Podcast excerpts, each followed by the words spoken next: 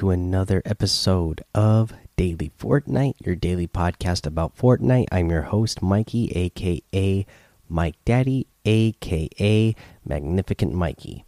Alrighty, here we go. So, first thing I want to talk about in news today is the textures not loading. Uh, for me, I've experienced all over the map. Uh, according to Fortnite, the you know the issue seems to mainly happen around tilted towers and retail row. As i said i have been experiencing it all over the map. Tilted towers uh, when i'm when i come across it that has definitely been the worst. It was really bad last night. The devs were up in the middle of the night last night working on it. Uh, they seem to have gotten it fixed for a while. It was fixed this morning. Um, it seemed like uh, for the most part it was good while the World Cup uh, qualifiers were going on today because I didn't really see anybody complaining about it during the uh, World Cup qualifiers. However, uh, the issue has started to come back, and uh, uh, Fortnite tweeted out about it again, once again tonight, that they are working on it uh, once again. So hopefully, they will have you know a fix because they are currently working on it uh, at the time of this recording uh, because the issue has popped back up again. Uh, but yeah, that's uh, that. Let's talk about those week th uh, three World Cup uh, semifinals, which were today. Again, lots of great gameplay, lots of great casting. But man, the one moment that really stuck out, and I'm sure a ton of you have already seen it by now, but that was Mongraal. Wow, like I said, we've mentioned him here a few times uh, since the qualifiers have started up. Uh, he didn't qualify week one, just barely missing out in solos. And I said, hey, that guy is so good. He will qualify at some point uh, for these turn uh, for the World Cup because he is so good. Sure enough, in week two during duos, uh, he qualified in the for the duos event already. Week three in the semifinals, he slayed out. He got first in EU I won't again. He still has tomorrow a chance to qualify, and you know three more weeks after that. For some reason, he didn't qualify tomorrow. But if he played anything like he did today, uh, tomorrow, then he's definitely going to qualify. I'm sure you all have seen the clip where uh, he just goes he just goes insane in the end game and gets like three eliminations out in the storm. Uh, launch pads back up because the storm is moving up a hill. He's able to launch pad up. Um, you know, builds a box. A player tries to edit down on him. He takes that player out. Uh, he takes out another player with a rocket, and then another player ends up on the same level with him. They uh, he gets a shotgun shot off on them. They edit down, and then he shoots them again in the air while they're falling down to get that elim for that victory out. Such an exciting thing. Uh, I know somebody already posted it in the Discord. It's been posted all over Twitter, Reddit. It's, it's everywhere because it was so so awesome to watch. Um, yeah, just so much fun to see that. Go check it out. The only thing I wanted to mention about this is that the clip that's going around. Um, you know that's like it's like a one minute clip or even a little bit less. Uh, go check out the full uh, that full uh, broadcast. Because if you go a little bit before that uh, even maybe like 30 seconds before it might even be less than that but before that clip actually starts the one that's going around uh, you'll see that uh, because when that clip starts he gets an elimination right away so it's hard to tell. But at one point Mongraal during that match uh, and during that end game where it was getting in such tight quarters right there and the storm was moving, at one point he only had 2 HP. he had to duck down behind some builds, take some shields, pops back out while the storm is moving, gets a couple of eliminations uh, in time uh, for the storm, and then he gets those three more that in the storm and that's and that's where the uh, the the clip that's going around that's where it kicks off but it's even crazier than think just because uh, he actually at one point before he went off like that was down to 2 HP from a previous fight. So yeah, uh, definitely check it out. Go watch that. Go watch the entire broadcast, but definitely uh, look, you know, scrub through and find that that little section because it is absolutely amazing. Oh, let's see here, guys. Let's go ahead, uh, move out of news and get into a, a, week nine challenge tip. So, for this tip uh, that I want to help you out with today, I want to help you uh, do the challenge where you need to revive a teammate at a reboot van. Um, now, obviously, this is very simple. A player, one of your teammates gets eliminated, you pick up their card and you take it to a reboot van. Uh, if you are fighting somebody, sometimes that can be hard. If the if you're playing duos and you both get eliminated, then you never get a chance to get there. If you're playing squads and all your whole team gets eliminated, then you know none of you get a chance to get there. But you know, there's a way that you can get this done pretty easily. Uh, you know, there's places like uh, when I play uh, the public matches, casual matches. I hardly ever have anybody going out to Happy Hamlet, Lucky Landing, Haunted Hills, Junk Junction. Um, those are all spots. Uh, even Lonely Lodge. Uh, those are all spots, or, or Snobby Shores. Even those are all spots that are usually uh, I I can go there, and most of the time I'm uncontested. So if you land there with a friend, or with you know a group of friends, if you're playing squads, uh, what you guys can do: land there right away, uh, grab some materials, build up, somebody eliminate themselves. Uh, then you have to wait for that player to bleed out, but then you can pick up their card and take it to a, a reboot van right away. And uh, again, are doing this just to, uh, and you're going to these areas because most of the time you're going to be uncontested, so uh, you you can have uh, a while to sit there and get the challenge done, and you guys can take turns. Um, you know, reviving each other at the reboot van. Uh, that way, everybody can uh, get that challenge done and help each other out. So, easy way to get that done. Okay, let's see here. That is the challenge tip. Let's go over what's in the item shop today. So, in the item shop, we have the Arc outfit back in the uh, item shop, the Virtue Harvesting Tool. Uh, both really, both are really cool. And then we have a new wrap. It's an animated wrap. Uh, you know, I, I am liking this one a lot myself. This is the Divine Wrap. Show your style, part of the Eternal Struggle set. Uh, yeah, so I, I actually like the way this one is a lot. Uh, you know, it's got the white and then it's got like the white glowing uh, pattern on it. Pretty cool. Uh, let's see here. You got the Malcore outfit and the Evil Eye harvesting tool. Uh, in the daily items, you get the Shadow Ops outfit, the Knee Slapper emote, the Whiplash outfit, the Squid Striker harvesting tool, the Pumpernickel emote, and the Hot Rod glider. Uh, so, some really cool items in the item shop today. If you're going to get any of those items, I would really appreciate it if you use that creator code Mike Daddy M M M I K E D A D D Y in the item shop because it does help support the show. And again, of course, I just really appreciate it.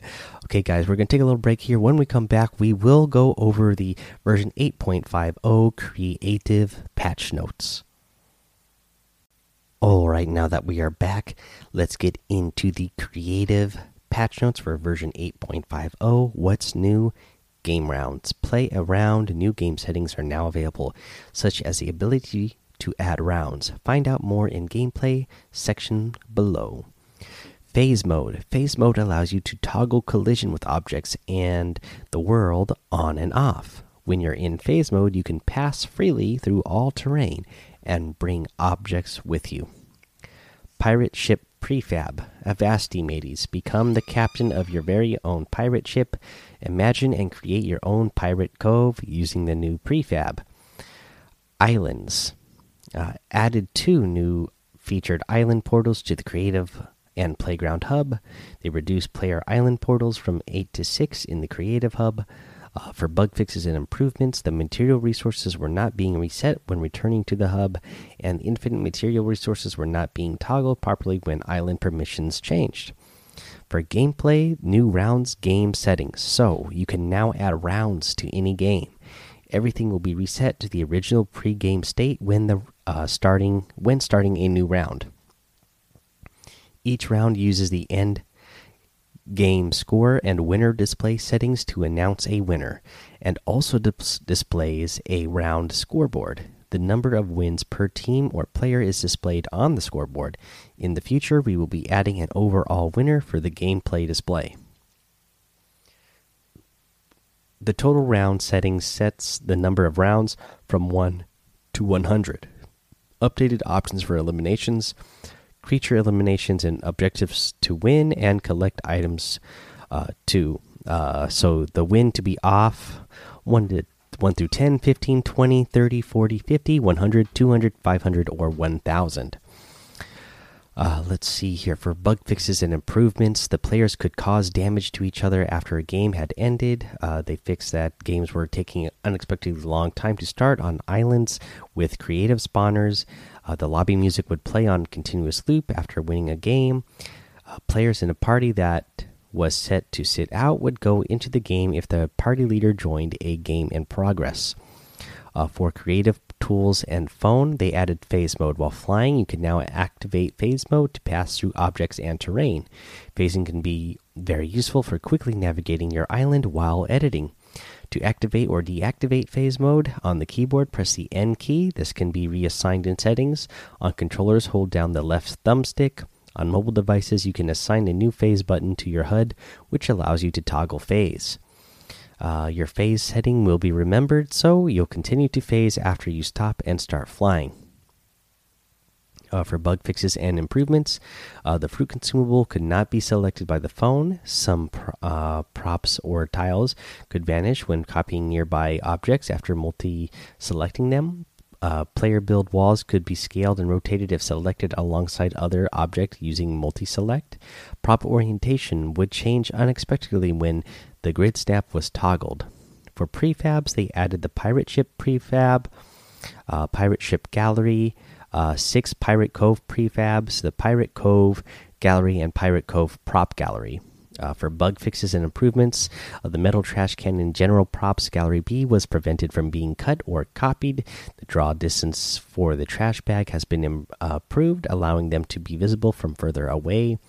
Roof pieces from the military base uh, set were turning green after being placed with multi select. The pillars in the ice castle set could not be placed after being rotated on changed axis.